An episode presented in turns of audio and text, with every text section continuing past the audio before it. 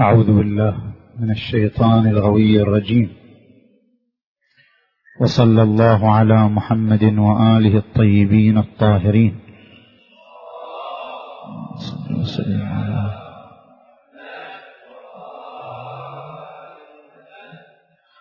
بسم الله الرحمن الرحيم.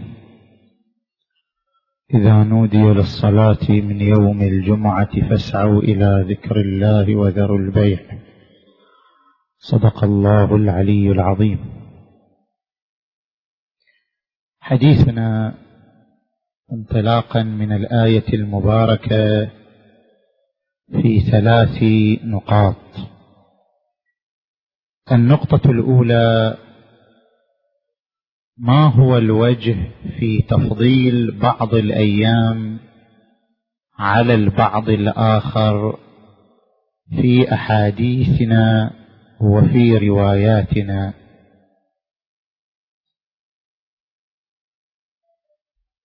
نلاحظ أن الإسلام يفاضل بين الأيام. شهر رمضان أفضل الشهور.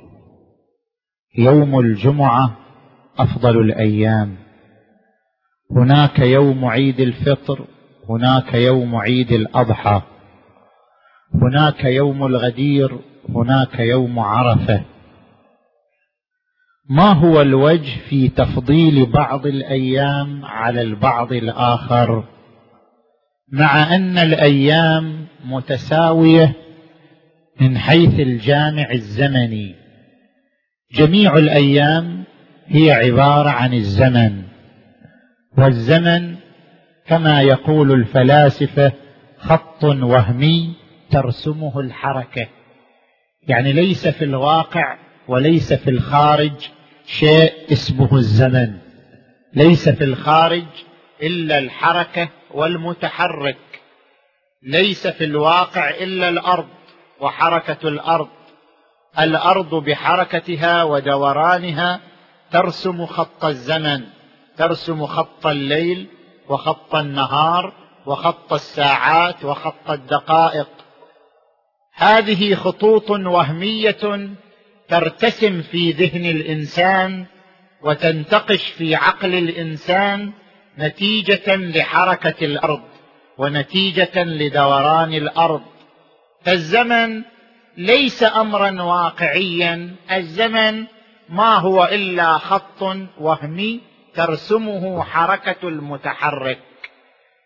جميع الأيام تشترك في الزمان يوم الجمعة زمان ويوم السبت زمان وشهر رمضان زمان وشهر رجب زمان. فما هو السر في تفضيل بعض الأزمنة على الأزمنة الأخرى؟ طبعا هناك سببان للتفضيل. السبب الأول أن تقع حادثة عظيمة أو يقع حدث كبير في زمن من الأزمنة في شهر من الشهور إكراما لذلك الحدث واحتراما لذلك الحدث.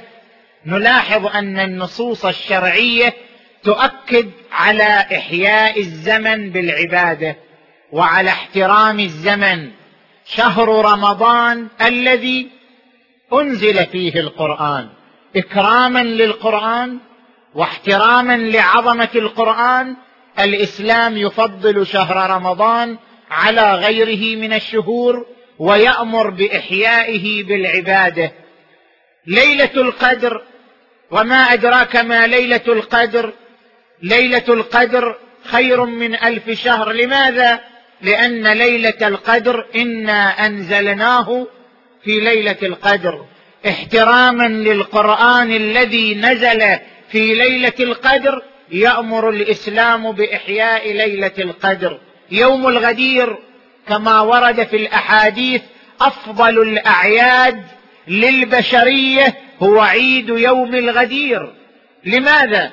لأن يوم الغدير حدثت فيه حادثة عظيمة وهي بيعة الإمام أن الأمة الإسلامية بايعت قائدها التي تجتمع فيه مواصفات القيادة الحكيمة بايعت قائدها في هذا اليوم فهو يوم عظيم يستحب إحياؤه بالصوم ويستحب إحياؤه بالعبادة. السبب الثاني تفضيل بعض الأيام على البعض الآخر مجرد أسلوب تربوي لعلاج علاقة الإنسان بالعبادة. ما معنى أسلوب تربوي لاحظوا مثلا طبيعة الإنسان تتوق إلى التنويع والتجديد. طبيعة الإنسان ترغب دائما في التغيير والتجديد. طبيعة الإنسان تمل من الروتين تمل من الاستمرار على نسق واحد وعلى نهج واحد. طبيعة الإنسان تصاب بالجفاف وبالملل وبالاسترخاء وبالكسل إذا سارت على روتين واحد وعلى نظام واحد وعلى طريقة واحدة. لهذا الإنسان دائما تتجدد فيه الرغبة للتغيير تتجدد فيه الرغبة للتنويع. من هنا تجد الإنسان الذي يسافر كل يوم أو يسافر كل أسبوع لا يلتذ بلذة السفر ولا يحظى بمتعة السفر بخلاف من يسافر في أوقات متغيرة ومتجددة. الشخص الذي مثلا يمارس علاقة اللذة وعلاقة مع زوجته في كل وقت قد يمل من هذه الطريقة قد يمل من هذا المنهج قد يمل من هذه الوتيرة. بينما الذي يمارس العلاقة مع زوجته في أوقات متغيرة ومتنوعة قد يحافظ على اللذة والمتعة من خلال ممارسة العلاقة. طبيعة الإنسان تنزع وتهفو إلى التجديد والتغيير. من هنا لاحظ الشرع الشريف اسلوبا تربويا في التعامل مع هذا الإنسان ومع علاقة هذا الإنسان. كما لك علاقة بالسفر تتغير هذه العلاقة بتغيير الأوقات. كما لك علاقة بأصدقائك تتجدد هذه العلاقة بتغيير الأوقات. كما لك علاقة بزوجتك تحافظ على وهجها وعلى نموها باختيار الأوقات وتنويعها.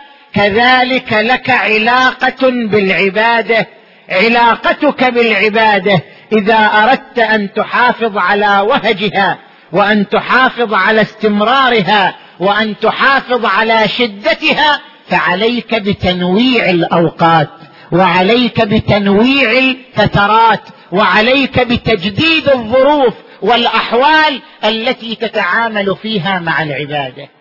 لذلك تلاحظ الشرع الشريف لا يقول لك كل يوم أنت جميع المستحبات تؤديها في كل يوم. يقول لك لا للسبت مستحبات وللجمعة مستحبات أخرى. لشهر رم... لشهر رجب مستحبات لكن لشهر رمضان مستحبات أخر. يفضل بعض الأيام على البعض الآخر وبعض الشهور على البعض الآخر. لا لشيء إلا لأجل أسلوب تربوي يعالج فيه الإسلام رغبة الإنسان في العبادة حتى يحافظ على رغبة الإنسان في العبادة حتى يحافظ على تجدد هذه العلاقة وعلى استمرارها وعلى توهجها يحين لها فرص ويختار لها أيام وينوع لها الأزمنة محافظة على استمرارها ووهجها. من هذا المنطلق تجد الإمام الباقر سلام الله عليه كما يتحدث الإمام الصادق عليه السلام يقول اجتهدت في العبادة. الإمام الصادق يقول عن نفسه اجتهدت في العبادة وأنا شاب. فنظر إلي أبي الإمام الباقر قال يا بني إن الله إذا أحب عبدا رضي منه باليسير. يعني لا تغرق نفسك في العبادة حتى تتحول إلى روتين. فإذا تحولت إلى روتين فقدت طعمها وفقدت معناها. إن الله إذا أحب عبدا رضي منه باليسير وورد عنه عليه السلام عن الصادق عليه السلام للقلوب إقبال وإدبار. فإذا أقبلت فاحملوها على الفرائض والنوافل وإذا أدبرت فاقتصروا بها على الفرائض. أسلوب تربوي لمعالجة رغبة الإنسان وانفتاحها على العبادة وعلى العلاقة مع الله وعلى الأجواء الروحية. من هنا ومن هذا المنطلق تلاحظ الإسلام والشرع الشريف ينوع الأوقات. يوم الجمعة له ميزة شهر رمضان له ميزة أيام ذي الحجة لها ميزة يوم الغدير له ميزة لكي يجدد هذه العلاقة وينشطها ويدعمها بالوهج والاستمرار. من هنا تجد بعض الأحاديث الشريفة التي ترشد إلى هذا المعنى. ما ينقله الشيخ المجلسي في كتاب البحار في الجزء السادس والخمسين صفحة ستة وعشرين عن الخصال للشيخ الصدوق عن أبيه عن سعد بن عبد الله عن يعقوب بن يزيد عن ابن أبي عمير عن غير واحد من أصحابنا رواية معتبرة صحيحة السند. عن أبي عبد الله عليه السلام قال السبت لنا والأحد لشيعتنا. والإثنين لأعدائنا والثلاثاء لبني أمية. مو معنى أن هذه الأيام أيام نحس لا يعني أن أعداءنا اتخذوا يوم الاثنين شعارا لهم. أعداؤنا اتخذوا يوم الثلاثاء شعارا لهم. لا بمعنى أن هذه الأيام أيام نحس لا. والإثنين لأعدائنا والثلاثاء لبني أمية والأربعاء يوم شرب الدواء. يعني كأن يوم الأربعاء زمن مساعد على شفاء الإنسان وعلاج أمراضه والخميس تقضى فيه الحوائج والجمعة للتنظيف والتطيب وهو عيد المسلمين. الجمعة وهو عيد المسلمين وهو أفضل من الفطر والأضحى. عيد يوم الجمعة أفضل من عيد الفطر وأفضل من عيد الأضحى وهو أفضل من عيد الفطر والأضحى. ويوم غدير خم أفضل الأعياد كلها. يوم الغدير يوم بيعة الإمام أفضل الأعياد كلها. وهو اليوم الثامن عشر من ذي الحجة. وكان يوم الجمعة أيضا يعني يوم الغدير صادف يوم الجمعة. ويخرج قائمنا أهل البيت. عجل الله فرجه الشريف يوم الجمعة. وما من عمل أفضل يوم الجمعة من الصلاة على محمد وآله.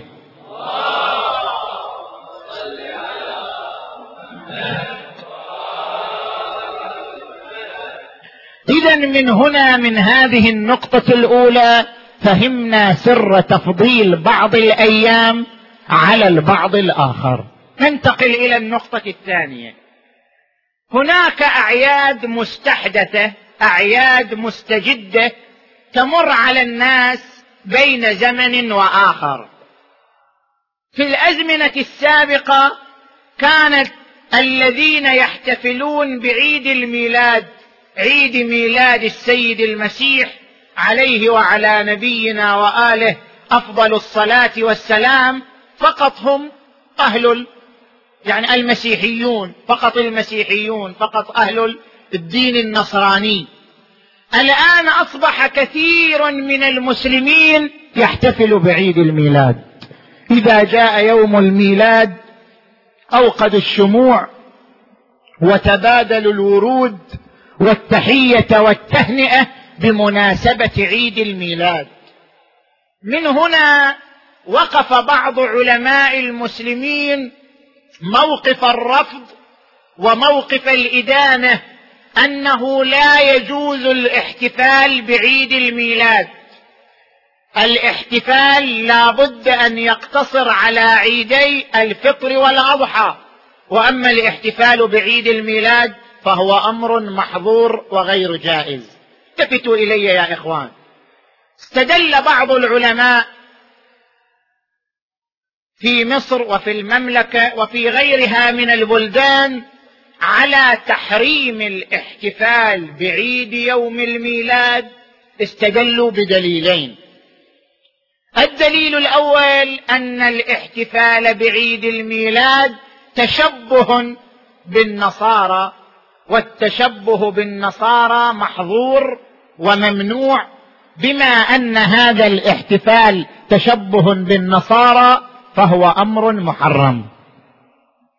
الدليل الثاني أن هذا ليس سبيلا للمؤمنين وبما أنه ليس سبيلا للمؤمنين وقد قال القرآن الكريم ومن يتبع غير سبيل المؤمنين نوله ما تولى يعني نحشره مع غير المؤمنين نحشره مع أعداء المؤمنين. اذا الاحتفال بعيد الميلاد خروج عن سبيل المؤمنين والخروج عن سبيل المؤمنين أمر محظور محرم. نحن نناقش كلا الدليلين كمناقشة فقهية ومن أجل توعية آه، الجانب الفقهي. لاحظوا يا اخوان أما من ناحية الدليل الأول التشبه باليهود أو بالنصارى. سيدنا قدس سره السيد الخوئي عندما يتحدث في فقهه عن التشبه يقول الممنوع هو التشبه السلوكي أو التشبه الشعاري وليس الممنوع هو التشبه الشكلي. لاحظوا معي. التشبه السلوكي ما معناه؟ مثلا عندنا أحاديث وردت عن أهل البيت بل عن الرسول محمد صلى الله عليه وآله.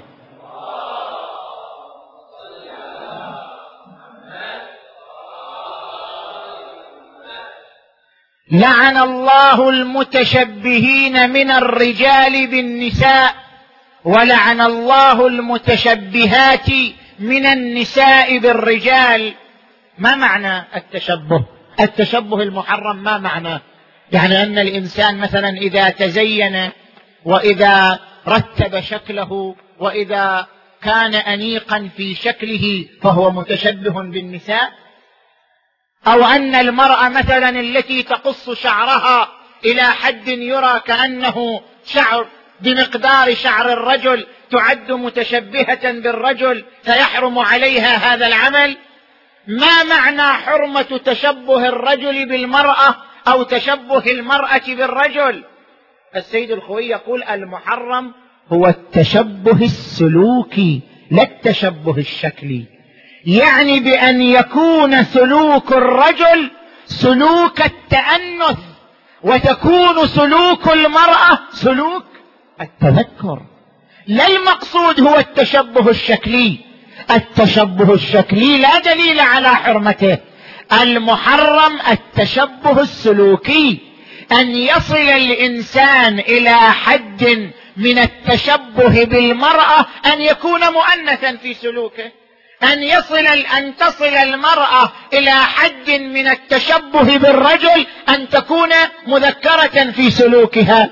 للرواية التي رواها عمرو بن خالد عن زيد بن علي عن آبائه عليهم السلام أن أمير المؤمنين سلام الله عليه رأى رجلا في مسجد رسول الله يتأنث أو فيه تأنث يعني يميل ميول الأنثى يحرك جسده حركات الأنثى يتصرف تصرف الأنثى. رأى رجلا يتأنث فقال اخرج من المسجد. فلقد سمعت رسول الله صلى الله عليه وآله يقول لعن الله المتشبهين من الرجال بالنساء ولعن الله المتشبهات من النساء بالرجال. لاحظتم شلون؟ اذا المقصود بالتشبه المحرم هو التشبه السلوكي. نجي للقسم الثاني من التشبه التشبه الشعاري. ما معنى التشبه الشعاري؟ هناك شعار معروف لليهود. نحن نرفع هذا الشعار. فرض نجمة إسرائيل مثلا نحن نضعها على ثيابنا أو على بعض مقتنياتنا أو على بعض تحفنا المنزلية مثلا. هناك شعار للنصارى شعار الصليب مثلا. نحن نرفع هذا الشعار على رؤوسنا مثلا نلبس تاجا فيه شعار الصليب مثلا. أو أننا نلبس ثيابا فيها شعار الصليب مثلا.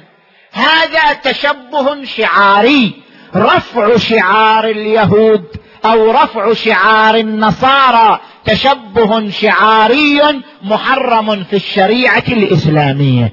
مثلا من هذا الباب لاحظوا يا إخوان ما ورد عن الرسول محمد صلى الله عليه وآله.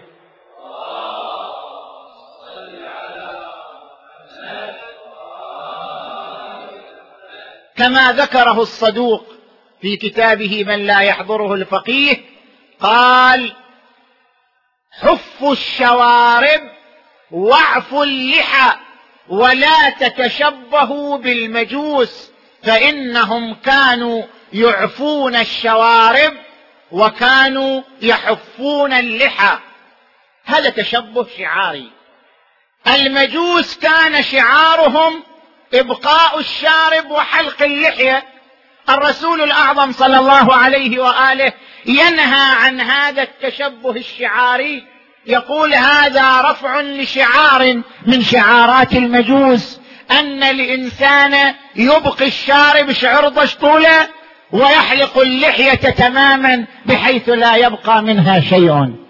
إذا دخل التشبه تحت التشبه الشعاري يعني كان هناك شعار معروف ومعلوم للنصارى أو لليهود أو للمجوس رفعه المسلمون من خلال ملابسهم من خلال أزيائهم من خلال آه، بيوتهم من خلال أثاثهم.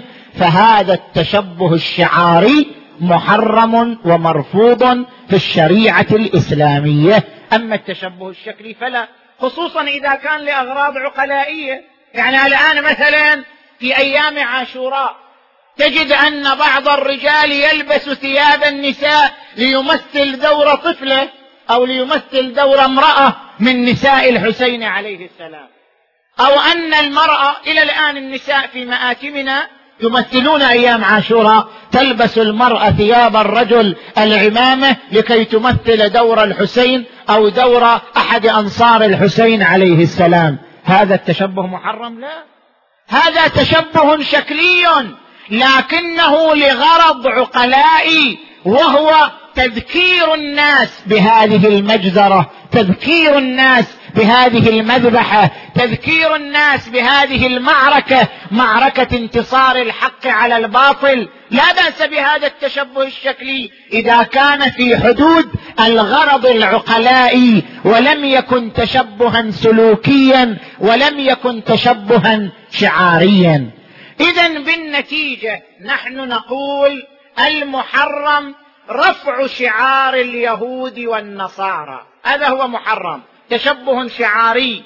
ليست جميع أنواع التشبه ولو كان تشبها شكليا فهو تشبه محرم وممنوع منه. مثلا الآن ما, ما يصنعه كثير من شبابنا من قص شعره بقصات مختلفة ومتغيرة أو ترتيب شكله ووجهه بأشكال مختلفة.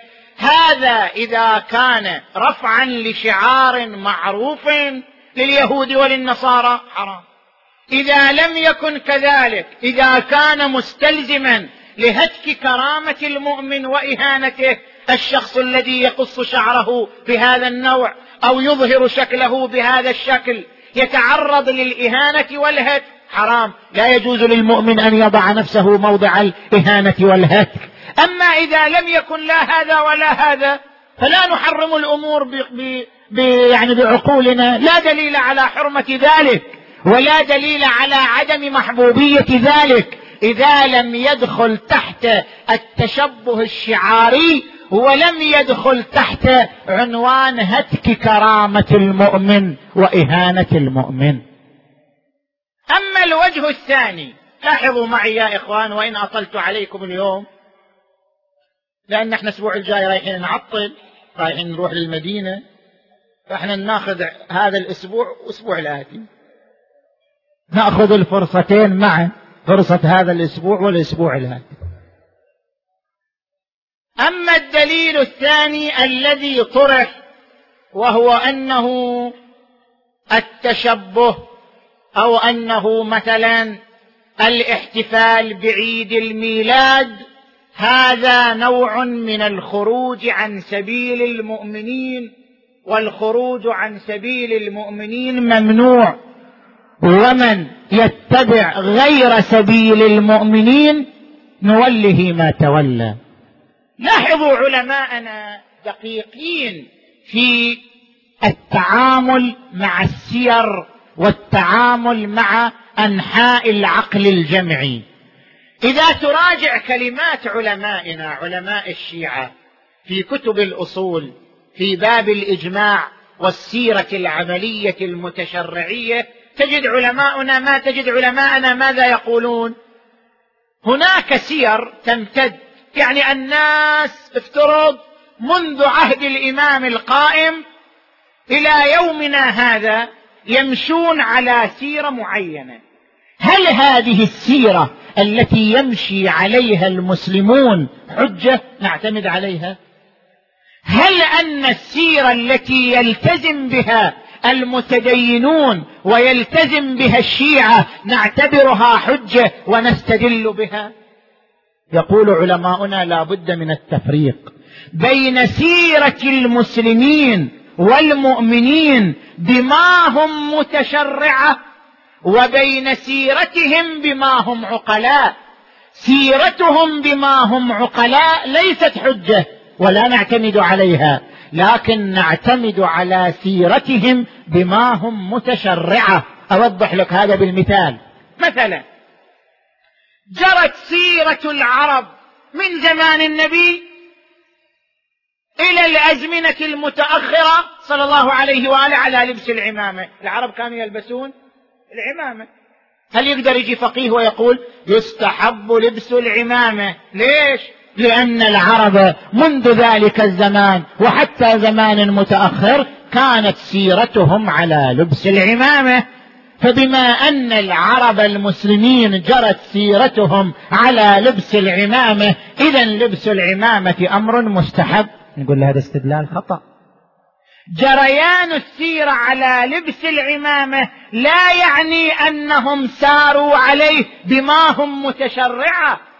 لعلهم ساروا عليه لأن العمامة أصلح لرؤوسهم أو أصلح لعاداتهم أو أصلح لأوضاعهم الدنيوية.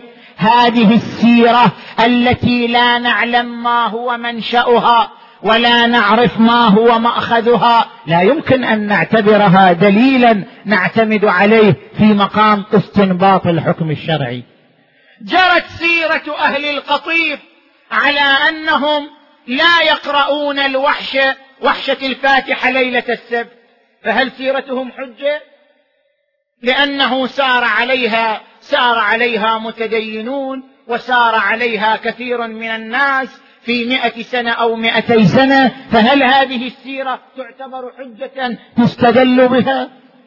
أو جرت سيرة مثلا سيرة أهل القطيف مثلا زمنا طويلا ومديدا على أنهم يلبسون مثلا العمامة أو يلبسون مثلا القذاء أو ما أشبه ذلك. فهل هذه السيرة تكون حجة؟ السيرة الحجة هي السيرة التي تنشأ عن المتدينين بما هم متدينون. يعني يكون منشأها هو الدين. السيرة النابعة من الدين هي السيرة الحجة. السيرة الناشئة عن تعاليم الدين هي السيرة الحجة. لا كل سيرة.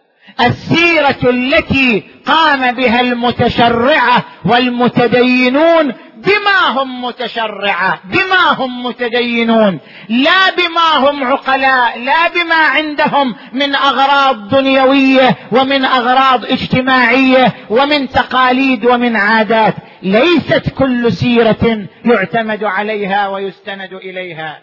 إذا الآية المباركة عندما تقول ومن يتبع غير سبيل المؤمنين نوله ما تولى هذه الآية ما تدل على حرمة يحرم عليك الخروج عن سبيل المؤمنين. سبيل المؤمنين على قسمين. سبيل المؤمنين الذي صدر من المؤمنين بما هم مؤمنون وبما هم متدينون. هذا السبيل حجة.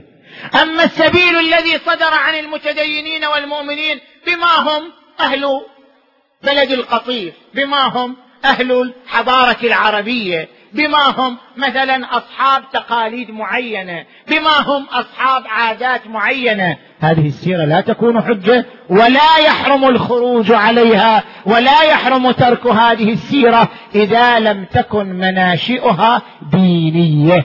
لاحظوا معي؟ اذا ننتقل إلى النقطة الثالثة والأخيرة. أنقل لكم كلام في الإنترنت وأعلق عليه.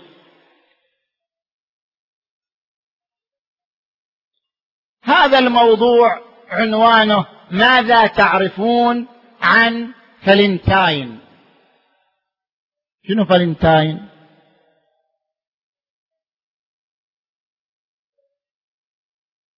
يقول طيب موضوع طويل أنا لا أقرأه كله.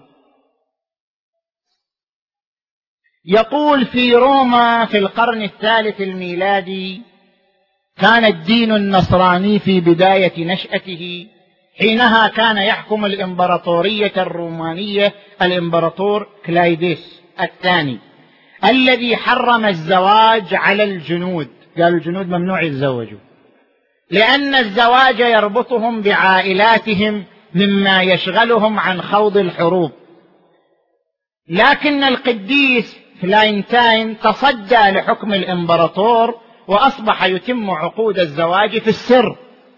وسرعان ما افتضح أمره وألقي القبض عليه وحكم عليه بالإعدام. وفي سجنه وقع في حب ابنة السجان. وكان هذا سرا لأن القساوسة والرهبان في شريعة النصرانية يحرم عليهم الزواج وتكوين العلاقات العاطفية. لكن ما شفع له لدى النصارى ثباته على النصرانية حيث إن الإمبراطور حاول إخراجه من النصرانية ليعبد آلهة الرومان ويصبح خادما أمينا للإمبراطورية وبالمقابل يعفو عنه ويجعله صهرا له. لكن فلنتاين رفض هذا العرض المغري وآثر التمسك بنصرانيته فنفذ فيه حكم الإعدام 14 فبراير عام 270 ميلادي ليلة 15 فبراير. ومن يومها أطلق على القسيس فلنتاين لقب قديس ومرت السنون وانتشرت النصرانية وأصبحت لها السيادة في أوروبا. عندها تغيرت عطلة الربيع وأصبح العيد في 14 فبراير اسمه عيد القديس فلنتاين إحياء لذكراه لأنه فدى النصرانية بروحه وقام برعاية المحبين وأصبح من طقوس ذلك اليوم تبادل ورود حمراء وبطاقات بها صورة الممثل ما شو مش عرفني الممثل كذا وهو إله الحب لدى الرومان كانوا يعبدونه من دون الله. الآن هذه الظاهرة بدأت تنتشر في بعض المجتمعات الخليجية وهي ظاهرة عيد الحب عيد فلنتاين. تبادل الورود الحمراء أو تبادل البطاقات التي تحمل صورة هذا الممثل أو ذاك بعنوان عيد الحب وكأن أعيادنا جفت واضمحلت فلم يبق لنا إلا أن نحتفل بعيد الحب أو سقطنا في الهاوية أو في الحفرة العميقة. ما هو تعليقنا على مثل هذه الأعياد المستحدثة أو مثل هذه الأعياد المستجدة. لاحظوا يا إخوان نحن نعيش مشكلة مرضية ذات حدين. الحد الأول عدم الثقة بأمجادنا وبحضاراتنا. والحد الثاني أننا لا نستغل الفرص التي تمر علينا استغلالا حسنا واستغلالا دقيقا. من ناحية الحد الأول نرى كثيرا منا مشدوها بحضارة الغرب. الغرب الغرب تعملق في الفضاء الغرب صعد على سطح الكواكب الغرب وصل في الحضارة والتقدم والتفوق إلى ما لم يصل إليه أحد. دهشته وذهوله بحضارة الغرب أوجبت له عدم الثقة بنفسه. لا يثق بنفسه. لا يثق بحضارته الإسلامية. لا يثق بأمجاده. لا يثق بتاريخه. صارت عنده حالة اهتزاز. عدم الشعور بالعزة. عدم الشعور بالشخصية. عدم الشعور بالكرامة. يرى نفسه كأنه يملك حضارة هزيلة يخجل من ذكرها ويخجل من الانتماء إليها. كثير منا يخجل حتى أنه يقال له شيعي. بعضهم يقول لك لا مو أنا شيعي لا وده حاول شنو؟ لا يظهر بأنه شيعي خجلا وكأن التشيع عيب يستحي الإنسان أن يلصق به وأن ينتسب إلى هذا العيب. تاريخك وأمجادك. الحضارة يا إخوان ليست حضارة مادية. الحضارة يا إخوان ليست بالفضاء وبالذرة وبالتعملق في الفضاء فقط. الحضارة لابد أن تكون لها لمسات روحية وملامح روحية. حضارتك الإسلامية حضارة روحية تستحق الفخر والاعتزاز. حضارتك الإسلامية هي التي ساوت بين بلال العبد الحبشي وبين ابن عباس السيد الهاشمي. حضارتك الإسلامية هي التي ساوت بين سلمان الفارسي الإيراني وبين ابن مسعود أو ابن عباس العربي القرشي. حضارتك الإسلامية حضارة روحية تستحق الفخر والاعتزاز. مذهبك مذهب التشيع مذهب يستحق أن تفتخر به وأن ترفع رأسك وقامتك فخورا معتزا بمذهبك. مذهب التشيع. أفهل يوجد مذهب آخر حمل الدم وشعار التضحية والبطولة كما حمله مذهب التشيع؟ أفهل حفل مذهب آخر ببطولات وتضحيات كتضحيات كربلاء وكبطولات الحسين وزينب؟ هذا المذهب الذي أمد الإسلام بدمه أمد الإسلام بتضحياته أمد الإسلام بطاقاته أمد الإسلام بجهوده. يستحق لك يست... أنت تستحق أن تفخر بأمجاد هذا المذهب المذهب الزينبي. المذهب الحسيني المذهب الذي لم يفكر في المصالح الشخصية ولم يفكر في المناصب ولم يفكر في زخارف الدنيا فكر في أن يدعم الإسلام وبقاء الإسلام بما له من دم وطاقة وجهد وبذل وتضحية. مذهب التشيع هل يوجد إمام في مذاهب أخرى له كتاب ككتاب نهج البلاغة؟ كتاب وصل إلى الرتبة الثانية بعد القرآن الكريم في علومه ومعارفه ولغته وفلسفته وحكمته.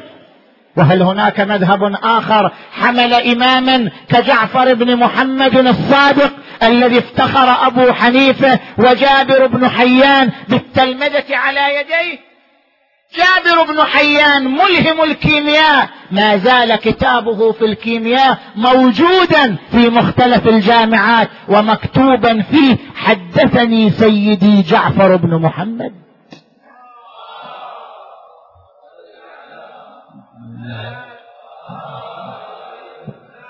وهل حمل مذهب آخر؟ أئمة كأئمتنا الإمام الرضا عليه السلام الذي تحدث في مختلف العقول في مختلف الحقول العلمية الرسالة الذهبية في الطب للإمام الرضا.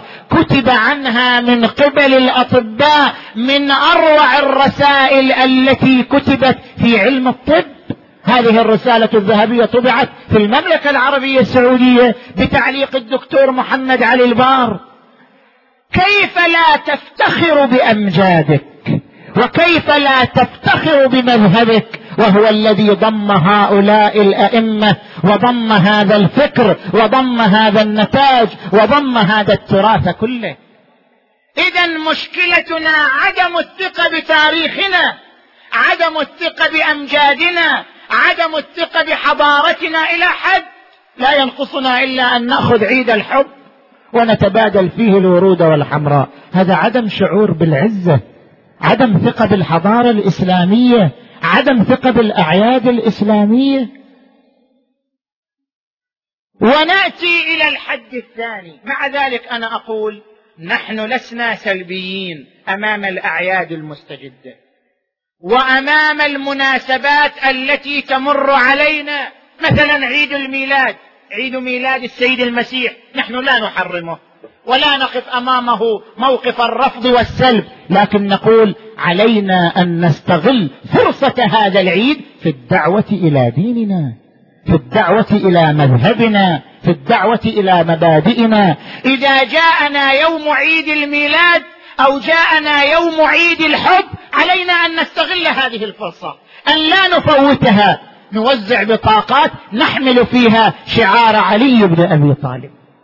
نوزع بطاقات نحمل فيها شعار الإسلام شعار لا إله إلا الله محمد رسول الله. علينا أن نستغل هذه الفرصة في الدعوة إلى ديننا ومبادئنا. ادع إلى سبيل ربك بالحكمة وهذا من الحكمة. أن تستغل الفرص أن تستغل الطرق المتاحة والممكنة في بث دينك وفي بث مبادئك.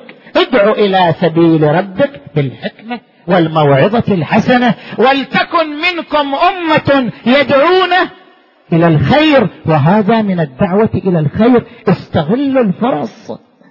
لا يجوز لنا أن نضيع الفرص. تمر علينا مر السحاب تمر علينا من دون أن نستفيد منها.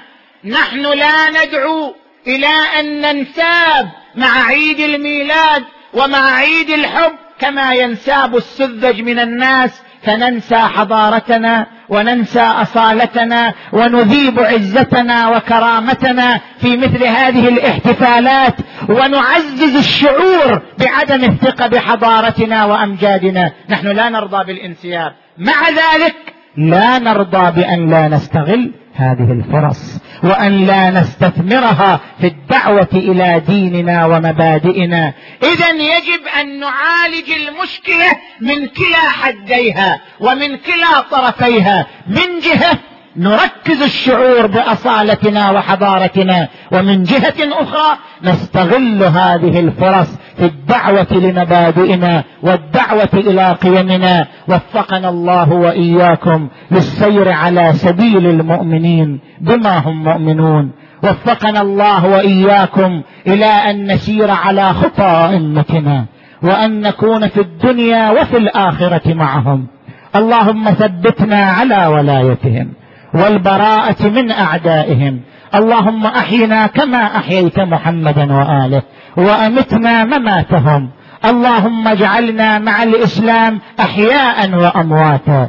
اللهم بحق الزهراء وأبيها وبعلها وبنيها والسر المستودع فيها. صلواتك عليهم أجمعين. اللهم كن لوليك الحجة بن الحسن. صلواتك عليه وعلى آبائه في هذه الساعة وفي كل ساعة وليا وحافظا. وقائدا وناصرا ودليلا وعينا حتى تسكنه أرضك طوعا وتمتعه فيها طويلا. اللهم انصر الإسلام والمسلمين واخذل الكفار والمنافقين. اللهم اشف المرضى وفك الأسرى. اللهم أيد علماء الدين العاملين أينما كانوا في مشارق الأرض أم في مغاربها. وارحم الماضين منهم خصوصا شيخنا المقدس الشيخ منصور البيات. رحم الله من يقرأ لروحه ولروح جدنا المقدس الشيخ فرج العمران وأرواح أموات العلماء وأرواح أمواتنا وأمواتكم وأموات المؤمنين والمؤمنات. الفاتحة تسبقها الصلوات.